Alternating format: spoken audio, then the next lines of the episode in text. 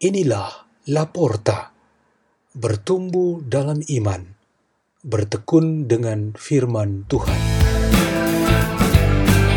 Bersama kami, Jeniko, umat gereja Santo Yohanes Bosco, Paroki Danau Sunter, dan Siantini Yahya dari Gereja Santa Monica, Paroki Serpong, Keuskupan Agung Jakarta.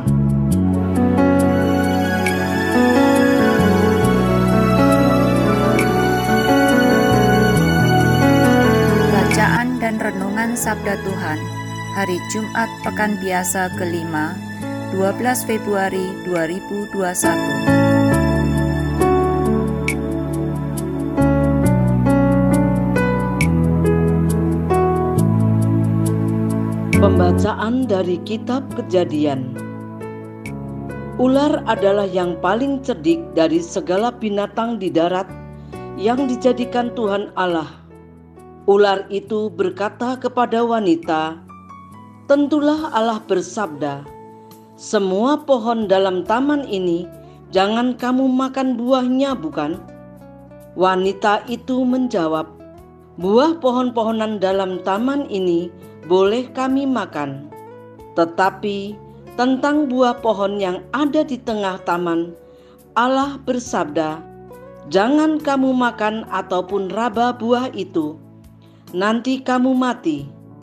Tetapi ular itu berkata kepada wanita itu, "Sekali-kali kamu tidak akan mati." Tetapi Allah mengetahui bahwa pada waktu kamu memakannya, matamu akan terbuka, dan kamu akan menjadi seperti Allah, tahu tentang yang baik dan yang jahat. Perempuan itu melihat bahwa buah pohon itu baik untuk dimakan dan sedap kelihatannya. Lagi pula pohon itu menarik hati karena memberi pengertian.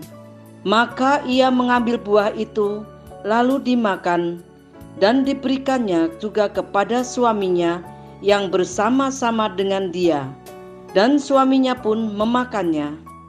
Maka terbukalah mata mereka berdua, dan mereka tahu bahwa mereka telanjang. Lalu mereka menyemat daun pohon ara dan membuat cawat.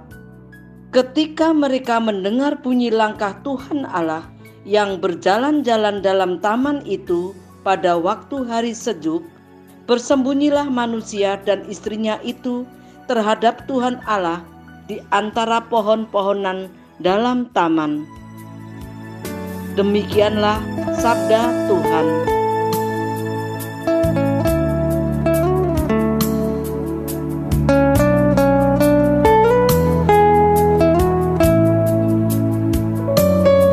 Tema renungan kita pada hari ini ialah gambar dan rupa Allah sebagai manusia. Makhluk manusia yang diciptakan Tuhan Allah menurut gambar dan rupa Allah merupakan sebuah anugerah. Status mulia dan istimewa itu diberikan atas kehendak Tuhan dan bukan karena manusia menginginkannya. Salah satu dimensi yang diberikan kepada manusia ialah kebebasan dan hak untuk menikmati kehidupan di dunia yang dipercayakan sepenuhnya ke dalam tangan manusia. Tetapi kepercayaan itu memiliki batasnya, yaitu sebagai manusia. Hal itu berarti manusia menggunakan kebebasan dan kepercayaan Tuhan sejauh kemampuannya sebagai manusia. Posisi manusia tetap sebagai manusia, dan ia tidak bisa berubah posisi ke tempatnya Tuhan Allah. Begitulah maksud Tuhan menganugerahi keistimewaan kepada manusia, tetapi manusia juga diberikan satu batas yang tidak bisa ia lewati.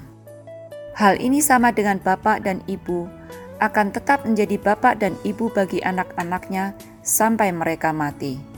Tidak mungkin terjadi bahwa anak-anak suatu ketika berganti posisi menjadi orang tua, sedangkan orang tua menjadi anak-anak. Pergantian seperti itu hanya terjadi sebagai sebuah drama atau sandiwara.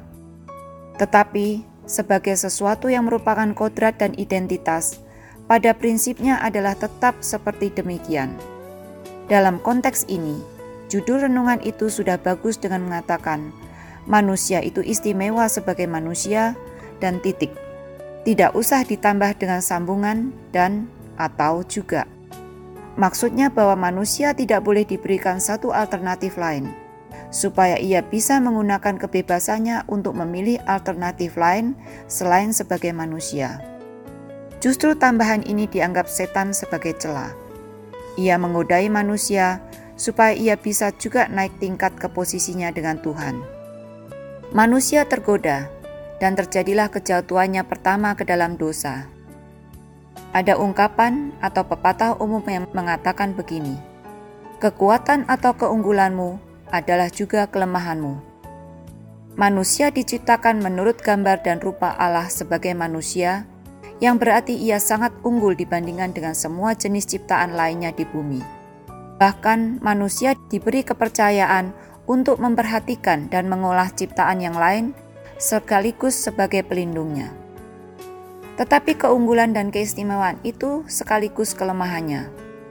Ketika ia tidak bisa menggunakan kekuatannya itu secara bijaksana dan benar, itu menjadi celah bagi setan dan memperdayai manusia. Salah satu cara dalam menggunakan kekuatan dengan benar dan tanggung jawab ialah dengan menjadi pelayan, penolong, penghibur, dan penyembuh sesama yang menderita dan membutuhkan pertolongan. Yesus menjadi teladan kita untuk menjadi pelayan dan memberi solusi bagi orang-orang yang menderita. Kalau kita menyibukkan diri kita untuk berbuat baik dan melayani, setan akan sulit memperdayai kita. Marilah kita berdoa dalam nama Bapa dan Putra dan Roh Kudus. Amin. Ya Tuhan, penuhilah kami dengan kuasamu, agar kami mampu mengalahkan kuasa yang jahat Kemuliaan kepada Bapa dan Putra dan Roh Kudus, seperti sekarang, selalu, dan sepanjang segala abad. Amin. Terpujilah nama Yesus, Maria, dan Yosef, sekarang dan selama-lamanya. Dalam nama Bapa dan Putra dan Roh Kudus. Amin. La porta, la porta, la porta.